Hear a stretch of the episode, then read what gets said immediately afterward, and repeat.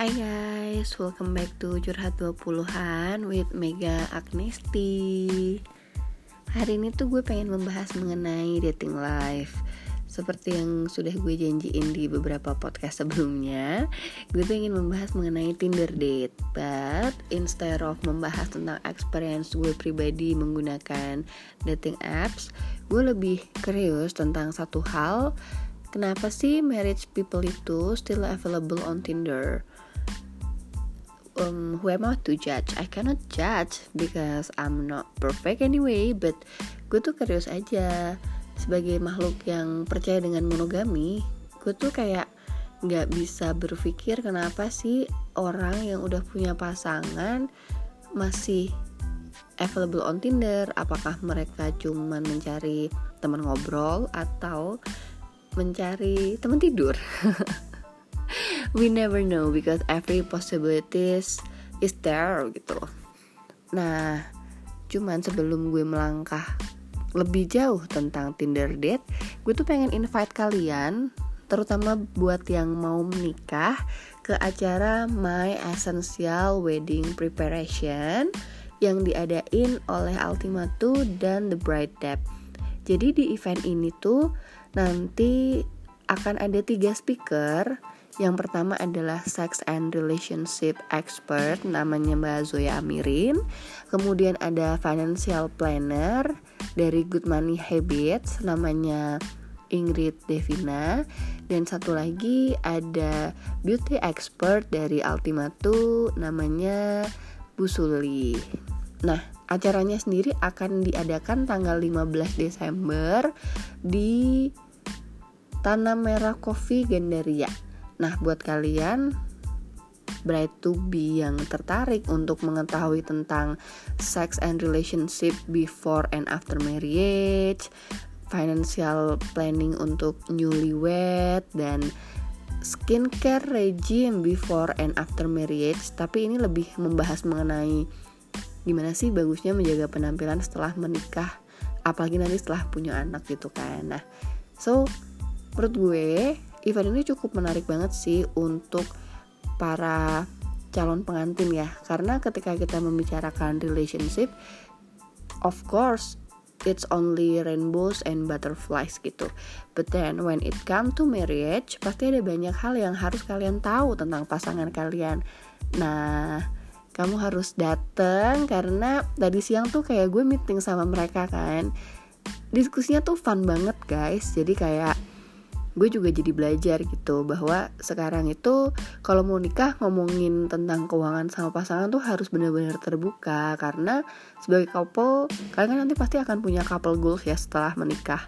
Pengen punya properti gimana caranya ngatur cash flow uh, gimana nanti membagi untuk uang untuk hobi, uang untuk investasi, uang untuk nyicil-nyicil, dan uang yang terkait sama operational cost gitu kan. Sementara kalau dari sex and relationship, sebenarnya gue curious juga sih pengen tahu gitu. Permasalahan modern society saat ini tuh apa sih yang bikin newlywed tuh rentan banget gitu kayak dengan perceraian apakah karena finansialnya kah atau karena um, not really satisfied in the bed atau ada intervensi dari keluarga besar banyak hal yang kita pengen cari tahu gitu bahwa truth after the wedding party tuh kayak apa? Karena kan kadang orang kalau mau nikah pikirnya tuh dreamy dan delusional gitu kan guys. Jadi bisa datanglah ke acara ini gitu. Kalau mau daftar tinggal klik di websitenya Brightap, the Brightap, thebrightap.com terus cari menu event. Nah, di situ akan ada pilihannya untuk datang ke acara My Essential Wedding Preps. Acara ini gratis, kalian juga nanti bisa dapat goodie bag, tinggal RSVP saja. Oke? Ketemu gue ya di sana nanti. Kita akan membahas lebih lanjut mengenai relationship, terutama buat kalian yang sebentar lagi mau menikah kalau merencanakan menikah tapi masih tahun-tahun 2020 gitu mendingan nanti aja guys karena ini uh, acaranya lebih fokus ke persiapan sebelum menikah dan kendala apa sih yang akan dihadapi setelah pernikahan gitu nah balik lagi nih ya ke soal kenapa sih orang yang sudah merit masih aja available on Tinder. Tadi tuh gue juga udah sempet gitu ngebahas sama Mbak Zoya kan? Apa sih yang sebenarnya terjadi dalam marriage gitu? Karena kan apalagi gue sebagai wanita wanita yang monogami maunya tuh setelah married ya it's only us against the world gitu kan. Nggak ada wanita lain nggak ada apa cheating gitu ya. Karena menurut gue mainan Tinder aja tuh udah cheating gitu. Dan kemarin tuh gue bikin Instagram polling kan guys. Sebenarnya pertanyaannya juga menjurus ke arah kenapa sih kalian tuh yang udah married tetap aja available on Tinder gitu? Dan gue tuh kayak sempet interview beberapa orang teman-teman dekat gue aja sih. Kenapa sih kalian tuh menggunakan Tinder? Padahal kalian statusnya udah nikah loh. Pernah gak sih kalian ketemu cowok ataupun cewek yang statusnya udah nikah di Tinder dan kalian ketemuan? Dan kelanjutannya seperti apa? Itu hanya kalian yang tahu kan? Cuman please please please kalau punya case yang sama seperti ini please let me know. DM ke @mega_agnestia karena gue tuh cukup penasaran kenapa sih? Apakah pasangan kalian aja itu nggak cukup gitu. Nah berdasarkan Instagram polling gue dari responden yang kebanyakan adalah follower gue ya pastinya. Jadi gue nanya dulu nih pertanyaan pertama. Ketika kalian single berapa banyak sih yang menggunakan Tinder? Surprisingly 60% orang itu install Tinder dan 40% merasa tidak tertarik. Baik. Kita tinggalkan yang 40% ya pemirsa. Kita konsen ke yang 60% ini. Nah pertanyaan selanjutnya. Ketika kalian sudah memiliki pasangan baik pacar maupun suami atau istri apakah kalian tetap main Tinder? Untungnya sih lebih sedikit ya yang menjawab masih gitu. Sekitar 45% banding 55%. Ternyata tuh menurut gue perbandingannya tuh gak jauh banget guys 45% orang yang punya pasangan bertendensi masih menggunakan Tinder Dan di dalamnya itu persentasenya ternyata lebih banyak orang yang sudah menikah tetap pakai Tinder. Jadi, teman-teman di luar sana, gimana ya gue mau bilang karena I need to take side ya. Gue nggak boleh mendukung, eh sorry, gue nggak boleh bersikap netral di sini karena balik lagi background gue adalah orang yang percaya dengan monogami gue sangat konvensional kalau dalam relationship. Jadi gue memang lebih mendukung ketika kalian punya pasangan sebaiknya tuh udah lupain deh Tinder gitu. Nggak cuman uninstall delete account kalian apalagi kalau kalian udah menikah gitu guys. Tapi kalau masih pacaran aja ya kita lihat seberapa committed relationship yang kalian jalani gitu. Gue waktu punya pasangan pun the app is still there tapi gue nggak main gitu. So maunya sih delete ya maunya sih delete gitu. Cuman kan selama ini tuh gue relationshipnya ya acak adut ya. Maksudnya dengan orang yang sama selama 2 tahun tapi tuh back and forth gitu loh. Hmm, jadi ya nggak bisa dikatakan relationship gue tuh real gitu. I'm joking. Well anyway balik lagi ke masalah tadi. Ternyata tuh masih ada 45% kan orang yang menggunakan Tinder walaupun mereka sudah berpasangan. Nah masuklah gue ke pertanyaan inti. Kalau untuk single, kenapa sih kalian mainan Tinder? Alasannya sih mostly adalah iseng. nggak ada teman ngobrol, jadi iseng-iseng nyari di Tinder. Terus iseng, siapa tahu beneran dapet pasangan. Rata-rata sih take it easy sih, eh, take it easy gitu loh guys. Tapi ya mereka don't mind kalau pada akhirnya ketemu pasangan di Tinder dan kecenderungan orang akhir-akhir ini gue melihat udah malah udah mulai pada apa ya open gitu bahwa oh ya gue ketemu sama pasangan gue di Tinder. Nggak make up story lagi gitu. Kalau kayak berapa tahun lalu ya? Mungkin 2014 waktu gue pertama kali main Tinder saat gue bertemu pasangan di sana pasti gue make up the story karena masih malu gitu. Tapi makin ke sini makin banyak kok orang yang mulai terbuka yes I download Tinder I use it I meet my partner there so what? Banyak yang udah mulai kayak gitu gitu. Nah sementara kalau untuk yang udah berpasangan kenapa sih kalian ada di Tinder? Ini ceritanya ternyata cukup panjang guys karena gak cuma dari polling gue juga sempat ketemu kan sama teman-teman gue yang merit tapi punya Tinder dan aktif menggunakannya tapi bisa dibilang mungkin data gue kurang valid karena instead of melakukan kuantitatif research gue tuh lebih ke kualitatif research. Jadi kayak gue nggak gue nggak apa ya nggak menomor satukan jumlah gue lebih menomor satukan kualitas interview gue dengan para responden ini. So pada dasarnya kenapa sih orang itu lebih suka menggunakan Tinder daripada PDKT sama orang baru di dunia nyata?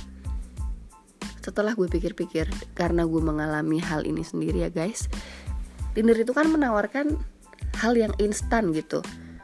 Semua dalam gegaman dalam gegaman aja lo bisa dapet cowok banyak gitu kan. Itu kan hal yang sangat gampang dan menyenangkan gitu. Istilahnya gini kalau lo ke cafe nyari cewek aja. Effortnya tuh banyak dan semalam lo paling cuma dapet satu gitu. Sementara di Tinder one shot lo tuh bisa langsung dapet 10 match misalkan. Bahkan lebih kan dari satu hari tuh kalau lo mau nyari 100 match tuh juga bisa gitu. Terus kalau untuk ngobrol sama orang baru lo datang ke cafe gitu. Ngajak ngobrol orang tuh nggak gampang men hari gini ya nggak sih? Lo dideketin lo takut lo kabur. Lo dideketin lo basi orang juga males gitu kan. Pada akhirnya ya di udah dia lo cuma dapat satu gitu dari cafe sementara di Tinder lo bisa multiple chat. Kalau misalnya ada satu yang nggak ngenakin lo langsung gampang tinggalin. Kalau ada satu yang bikin spark di hati lo gitu lo bisa lanjut. Dan bisa lanjut pun itu nggak cuma sama satu orang kan bisa multiple chat banget. Dan kalian juga enak gitu karena kayak seolah-olah sibuk ngobrol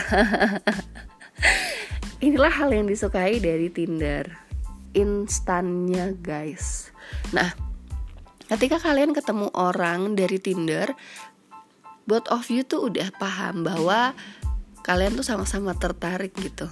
Sementara kalau di dunia nyata ya, kalian ketemu orang di cafe gitu, udah ngobrol nih semalaman. Ya belum tentu dia juga tertarik sama lo. Bisa jadi dia cuma pengen nemu teman ngobrol aja di cafe. Atau kalian nggak pernah exchange number. Terus udah gone aja gitu. Cuman ngobrol aja selama di cafe habis itu nggak ada follow up lagi ya kan atau kalau pada akhirnya tukeran nomor eh tiba-tiba dia bilang sorry I'm taken gue tuh udah punya pacar kita nggak bisa go any further sih banyak obstacle yang kalian temui ketika PDKT langsung di dunia nyata tapi di Tinder dating behaviornya tuh berubah banget guys jadi misalkan nih untuk kenal orang kan lo harus tahu stepnya itu uh, introduction introductionnya kan kalau di dunia nyata tuh effort ya Sebenarnya kalau di Tinder ya cuman Hi, how are you? Hi, how's your day? Hi, nice to meet you here. As simple as that, terus kalian bisa terus ngobrol gitu. Sementara kalau di dunia nyata, Hi, how are you? Ketemu orang gitu aja deh di coffee shop atau di bar. Pasti belum tentu lu bales kan? That's why orang prefer mainan Tinder. Instan, cepet, udah tahu tendensinya satu sama lain tuh nyari apa.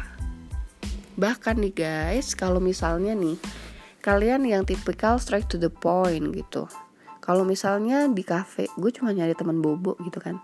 Lah emang cewek bisa langsung aja gitu lah ajak bobo? Ya nggak mungkin kan walaupun sebenarnya ceweknya mungkin mau gitu. Tapi ada banyak step yang harus kalian lalui untuk pada akhirnya bisa ngajak satu orang have fun sama kalian doang gitu kan sementara di Tinder kalian bisa nulis di profile I'm just looking for fun. I'm looking for casual date. I'm looking I'm looking for long term long term relationship atau I'm looking for a person yang mau nikah sama gue. Bisa loh dan all of that objective itu bisa kalian fulfill. Ya nggak? Walaupun misalnya kalian oh, I'm looking for one night stand I'm looking for a hookup. Tetap aja akan ada yang swipe right kalian kalau ternyata interestnya sama. Right? Begitupun walaupun kalau kalian nyari pasangan yang untuk menikah gitu just put it on your profile dan pada akhirnya yang swipe juga orang yang punya intensitas yang sama so kategorinya tuh udah jelas gitu di Tinder. Lo maunya apa? Dari itu tadi short description on your profile. Sebenarnya kalau ketemu orang di dunia nyata nih guys di bar aja misalkan. Tadi gue kasih contoh pertama teman bobo. Desmin gampang aja jadi teman bobo tuh di bar gitu kan. Paling temen ngobrol akhirnya jadi temen dan kalau pada akhirnya pengen dating itu long way to go gitu kalau ketemu di bar right nah sementara kalau kalian nyari serius relationship apalagi orang yang mau diajak nikah di bar ya of course lebih susah lagi gitu. Unless kalian datangnya ke majelis taklim yang pengajian yang sekarang lagi banyak kan yang taaruf taaruf gitu. Nah kalau itu intensitasnya udah tahu jelas gitu bahwa emang nyarinya yang buat merit. But anyway itu pun masih panjang kan prosesnya. Kalian perlu taaruf itu nggak mudah ngasih CV lah uh, ketemu orang tuanya lah harus meyakinkan guru kalian lah. Baru terakhir akan ketemu si calonnya di tempat nikah. Komitmennya terlalu tinggi guys. Jadi that's why Tinder itu lebih menarik karena lebih straight to the point. Dan lo pun langsung dapat feedback dari orang yang match sama lo tuh tergantung dari objektif kalian apa bisa jadi sama gitu. Emang sama-sama nyari serius. Nah kadang ini yang gue alami ya. Makanya gue bilang Tinder tuh instan. Karena gini dia tuh udah memotong banyak banget uh, eh, PDKT behavior ya. Mulai dari kenalan tadi lebih mudah kan kalau di Tinder. Yang kedua ngobrol aja lebih enak gitu di Tinder. Sebenarnya kalau ngobrol langsung tuh kadang kalau ketemunya lagi tadi ya kayak di bar gitu ngobrol juga bisa jadi ngobrol enak bisa jadi enggak gitu kan. Sebenarnya kalau di Tinder ya kalau nggak enak tinggal aja masih ada chat lain gitu kan. Yang ketiga um, lo nggak pernah tahu intensitasnya orang itu apa dan lo nggak pernah tahu apakah dia punya kesamaan tujuan sama lo. Sebenarnya di Tinder straight to the point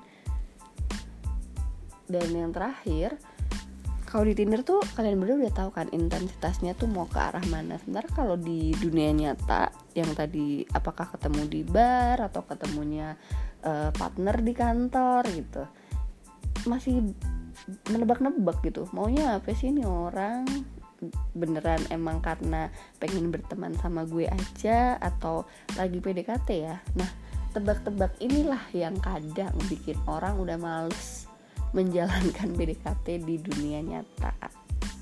Analisa gue seperti itu karena gue mengalaminya nih guys. Misalnya gue lagi deketin orang selama tiga bulan gue kan bukan tipe orang yang akan nanya langsung are you single or are you in a relationship? gitu. Enggak gue nggak pernah nanya se harfiah itu gitu. Gengsi sih. Itu hal yang bodoh juga sih gue gue tahu gue tahu.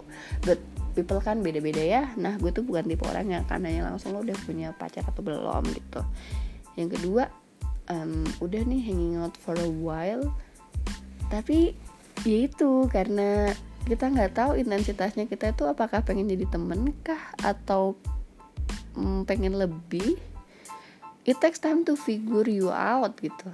Karena kalau di Tinder ya elah sehari juga lu udah tahu dia intensitasnya apa ya nggak sih dan terakhir nih guys udah tiga bulan nih deket sama nih cowok.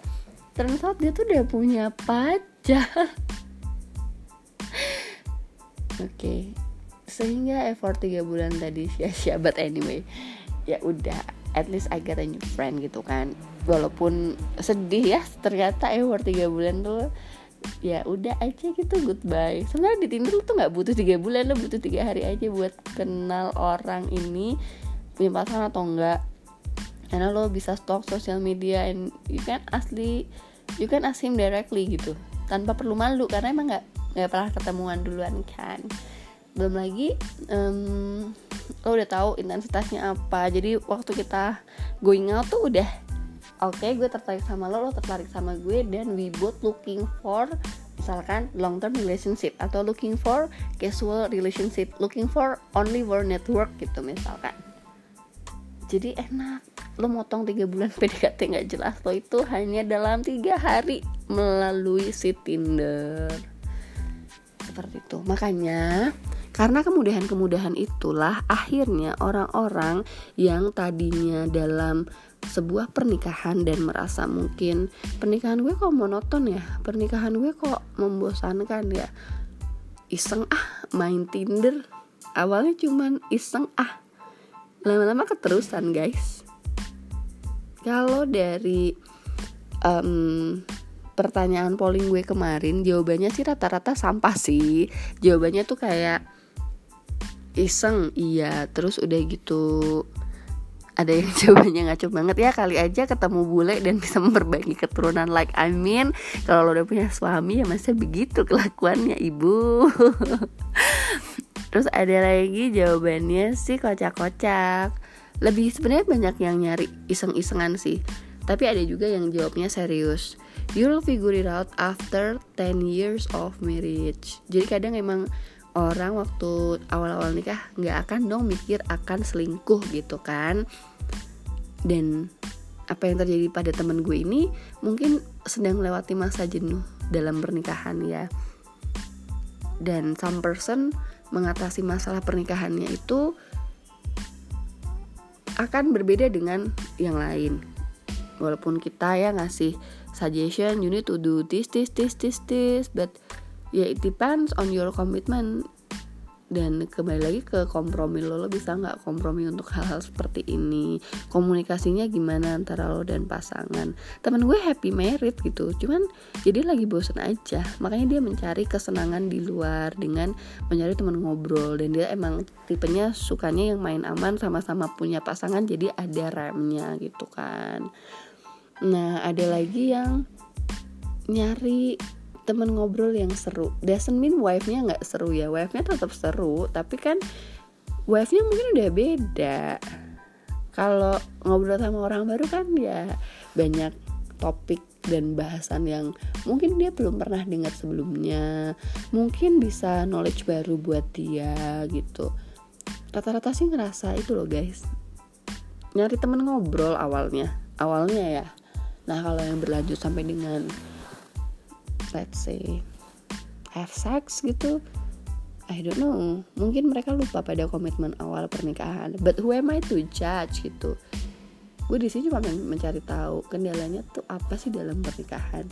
Dan last person yang gue temuin menyatakan bahwa gue agree sih sama temen lo yang barusan bilang after 10 years uh, 10 years of marriage you'll figure out why karena gue pun merasakan yang hal sama gak awal nikah tuh gue nggak akan kepikiran lah nyari kesenangan lain di luar rumah gitu.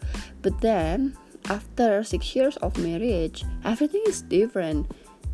Cuman pas gue nanya lebih lanjut ke orang ini dia mengatakan bahwa sebenarnya masalah utamanya adalah pada pola komunikasi. Misalkan nih waktu gue making love sama dia gue tuh nggak bisa request ke dia eh ayo dong cobain posisi A cobain posisi B. Eh lo tuh sukanya di gimanain sih biar lo tuh ngerasa puas banget sama gue gitu. Atau eh kita coba explore you one another atau fantasi-fantasi lainnya. Dia berawal dari situ katanya. Karena dia nggak bisa berbicara tentang seksual yang benar-benar vulgar kepada istrinya. Then I said dong, I think it's a bit weird ketika lo gak bisa mengatakan hal tentang seksual life kalian ke istri lo sendiri apa gitu yang gak enak. Katanya kurang nyaman. I don't know kenapa lo bisa nyaman sama orang lain sementara sama istri lo tuh lo nggak bisa bukannya lo tuh emang harus jadi apa ya hubungan kalian tuh harusnya jadi comfort zone lo buat lo. Lo bisa cerita segala hal ke istri lo seharusnya ya. But he said I can and I don't want to. Udah saat di mana udah sampai saat di mana I don't want to. But I don't want to get divorced with her karena a lot of things kan kalau divorce gitu. But anyway dia memilih untuk still have this wife but he still want to have girlfriends and dia enjoy affair itu gitu. So as a person yang believe in monogamy gitu ya itu hurt my feeling banget sih.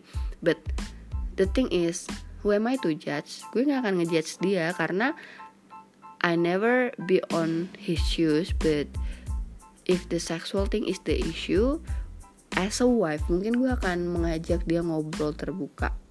Karena when he asked me about my relationship with last ex boyfriend gitu ya. Gue bilang my ex boyfriend is coming in one package. Kita komunikasi bagus um, kita juga explore a lot of thing together gitu kan. Tapi yang bikin putus bukan hal-hal kayak gitu. Ini lebih ke masalah religion issue and everything itu but anyway menurut gue pasangan itu harus bisa menjadi best friend gak sih? Sehingga lo tuh bisa cerita apa pun dengan nyaman ke pasangan lo. Mulai dari duit mulai dari tentang uh, posisi seks mengenai tentang fantasi-fantasi liar lo gitu. Justru akan lebih enak kalau diceritain gitu ke pasangan. So both of you will understand apa yang lo harapkan dari pasangan lo. Apa yang ingin lo lakukan berdua sama pasangan lo. Kalau lo nggak nyaman sama pasangan lo tuh malah menurut gue tuh agak aneh lo guys gitu. Nah begitupun sama temen yang kedua ya kalau dia belum mau terbuka secara detail apa sih yang membuat dia merasa bosan dengan pernikahannya gitu? But I think the passion of this couple is fade away. Jadi mungkin spark yang tadinya ada tiba-tiba memudar, memudar, memudar. Dan ada saat di mana aduh gue udah males nih have sex sama suami gue gitu. Nah pada akhirnya ketika dia merasa bosan dengan kehidupan pernikahannya yang flat Walaupun dia happy dengan suaminya Walaupun dia happy punya anak-anak lucu gitu But there is this ruang hampa di dalam hatinya yang pengen dia isi dengan menghadirkan orang lain yang lebih seru. That's why dia start using Tinder gitu. Nah kalau yang lain ada satu nih sebenarnya ini pengalaman gue pribadi. Jadi gue sempat ngedate sama satu cowok yang nggak pernah mau ngaku kalau dia nikah. Udah nikah. Cuman kan karena lo berteman di line ketika dia save nomor lo kan automatically kadang lo ke add di line-nya dia kan. Dan di line-nya itu gue ngeliat foto istri dan anaknya gitu loh but aku tuh gue tuh kayak nanya-nanya ke dia gitu kan secara indirect mengenai keluarga dan anak-anak gitu kan. Tapi dia nggak pernah ngaku dia tuh punya istri. But I knew kalau dia tuh udah punya istri gitu guys. So it's so funny for me. I mean like instead of gue being insulted gara-gara dia seperti itu gue lebih ngerasa ini lucu. Kenapa sih lo nggak mau ngaku aja? Oh lah gitu kan. But itu tadi. Apa namanya kita tuh nggak bisa ngejudge orang gitu loh. Kayak lo tuh seharusnya ngelakuin A untuk memperbaiki pernikahan lo. Lo harusnya ngelakuin B gitu. Tapi balik lagi ke masing-masing orang. Dia tuh sebenarnya komit nggak sama pernikahannya? Dia mau kompromi sejauh apa sama pernikahannya? Dan dia secinta apa sama pasangannya? Jujur kalau gue ya sama pasangan terakhir tuh gue cinta sih sama dia gitu. Sehingga apa pun akan gue lakukan untuk make him happy make him special. Nah hal-hal yang terkait sama membuat dia happy itu kan banyak ya. So kadang ada hal yang secara logika I don't want to do this gitu. But karena gue cinta akhirnya gue mau melakukan hal-hal itu. Misalnya kayak ngunjungin dia ke negara lain gitu karena emang dia nggak tinggal di Indonesia kan. But I want to karena I love you I care about you dan I'm gonna visit you gitu. Ya kalau nggak sebenarnya gue lebih suka dia ke Indonesia aja. Gue jadi lebih nggak nggak keluarin banyak duit gitu kan. Kalau dia yang ke Indonesia udah yang dia pesan tiket sendiri booking hotel sendiri jalan juga dia bayarin semuanya. Well anyway. Menurut gue akan lebih enak kalau dia yang ke Indonesia karena gue nggak perlu cuti nggak perlu apalah apalah gitu kan. So gitu deh guys. Kadang balik lagi kalian harus inget apa yang mendasari kalian untuk menikah. Inget itu cinta, komitmen, kompromi. Dan ini mungkin gue agak agak apa ya agak klise sih ketika gue bilang inget Tuhan. Kalian kan mengucapkan janji pernikahan itu udah nggak cuman antara kalian berdua tapi ada Tuhan gitu di dalamnya. Masa kalian betray sih guys komitmen yang kalian buat depan Tuhan gitu? Nah oke. okay, gue pengen menceritakan satu kasus terakhir mengenai orang yang ada di Tinder. Sebenarnya gue menemukan suaminya temen gue. Gue berteman sama si istrinya doang nih nggak berteman sama suaminya kan. So I told her eh gue lihat suami lo lo di Tinder. Terus dia bilang mbak lo orang kedua yang bilang bahwa lihat suami gue di Tinder. Temen gue yang sebelumnya pernah ada yang bilang satu orang gitu terus gue nanya dong how you respond it? Dia bilang gue pernah nanya sih ke suami gue ini kenapa ya lo ada di Tinder? What's wrong with us gitu kan.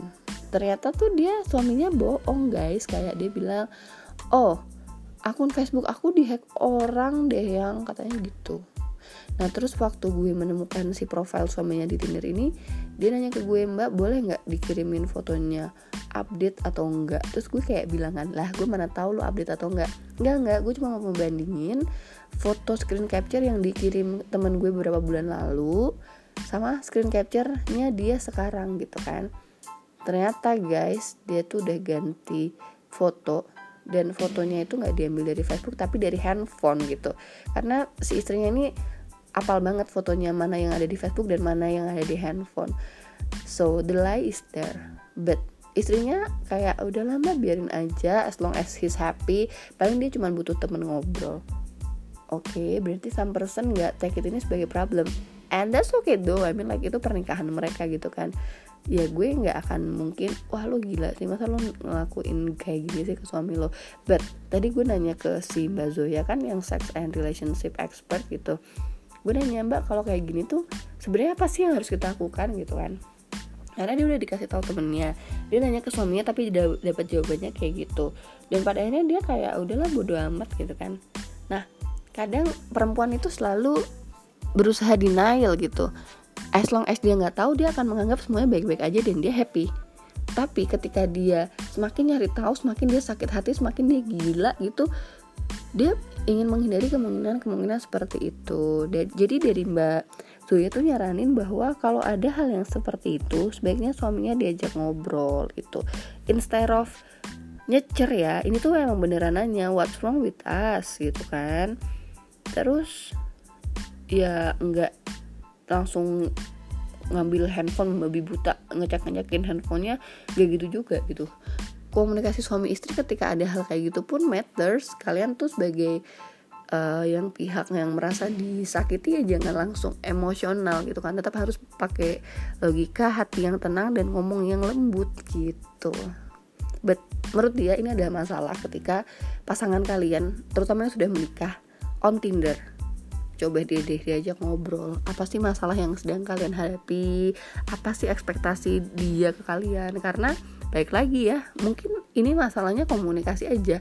Seperti yang teman gue tadi yang udah nikah 6 tahun itu dia juga bilang ya gue paham sih masalahnya komunikasi cuman I don't know how to start it and I don't want to. Ya pada akhirnya ketika udah males udah males ya pada akhirnya males ngomongin lagi gitu kan. Begitupun teman gue yang satunya lagi dia bilang dia nggak mau gitu. But kenapa nggak mau um, making love lagi sama suaminya? Ya nggak mau aja terus kayak ini udah berlangsung lama gitu loh guys. Jadi I don't know. Mungkin karena gue belum menikah juga. Jadi gue nggak tahu. Cuman tadi ya dari sex and relationship expert aja bilang ini tuh masalah harus diomongin harus diselesain jadi kalau kalian sekarang ada di Tinder pada status kalian udah bersuami atau beristri I'm begging you guys to solve your problem with your current spouse untuk cari solusi bersama aja gitu loh.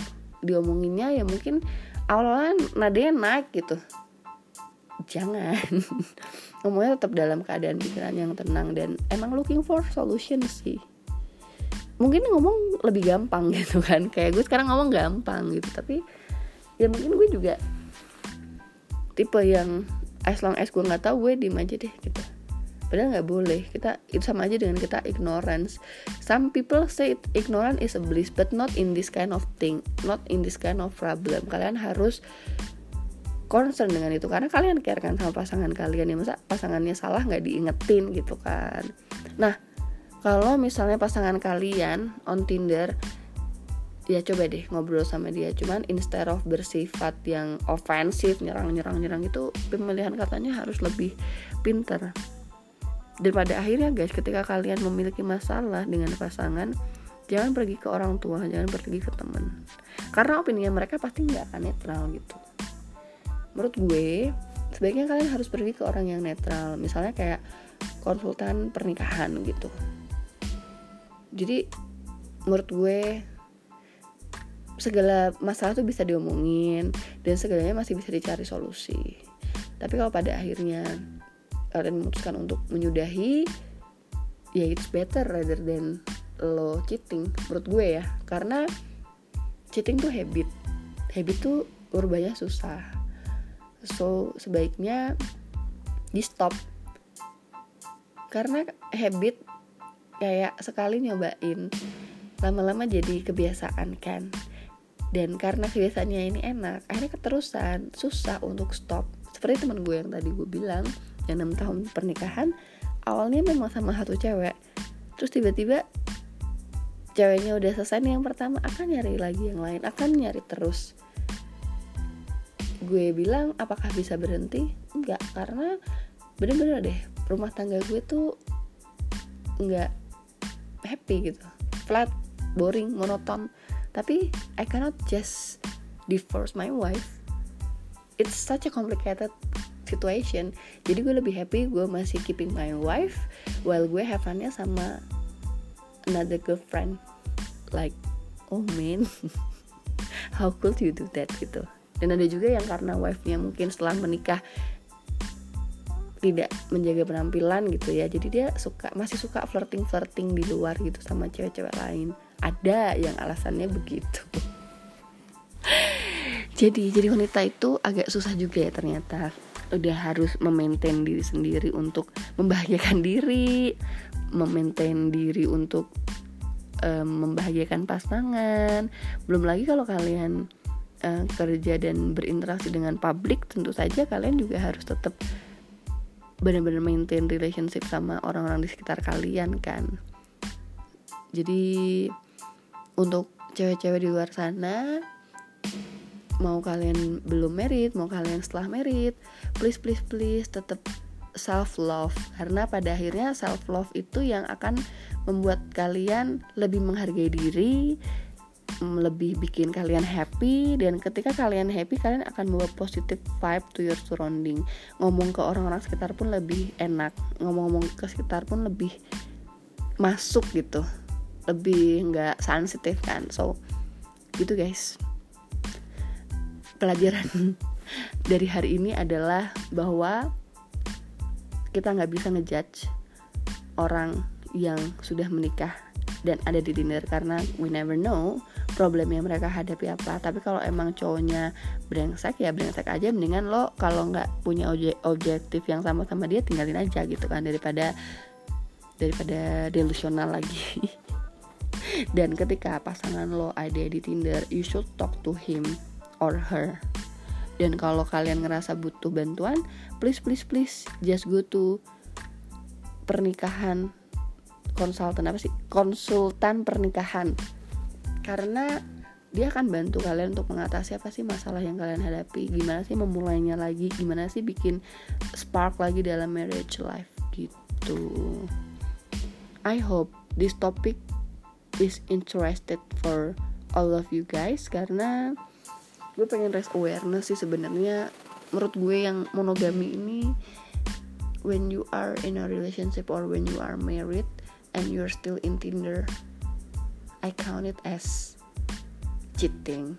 And I need to take side bahwa gue tidak mendukung itu. But if you are there with your own argument with your own explanation ya be it cuman jangan sakiti hati banyak orang aja gitu. Oke okay.